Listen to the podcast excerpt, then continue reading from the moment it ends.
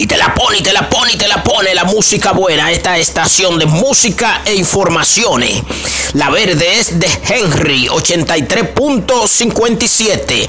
Desde los Estados Unidos y para los países internacionales. Y para República Dominicana, para Haití y demás. Nosotros somos La Verde es de Henry 83.57. Presentamos a Henry Santana.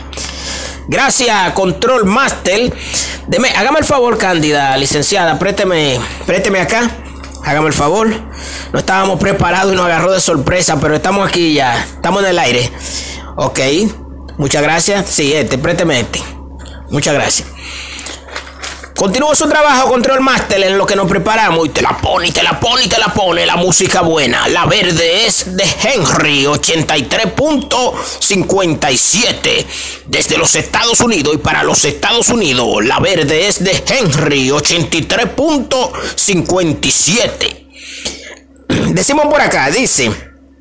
El interés de la población en demandar vacunación disminuye pese a las alertas emitidas tanto por las autoridades de salud pública como especialistas sobre la inminente llegada al país de la variante Omicron, detectada por, er, por primera vez en Sudáfrica y cuya rápida expansión por los países ha llamado la atención de la Organización Mundial de la Salud OMS hasta las primeras 15 semanas del mes.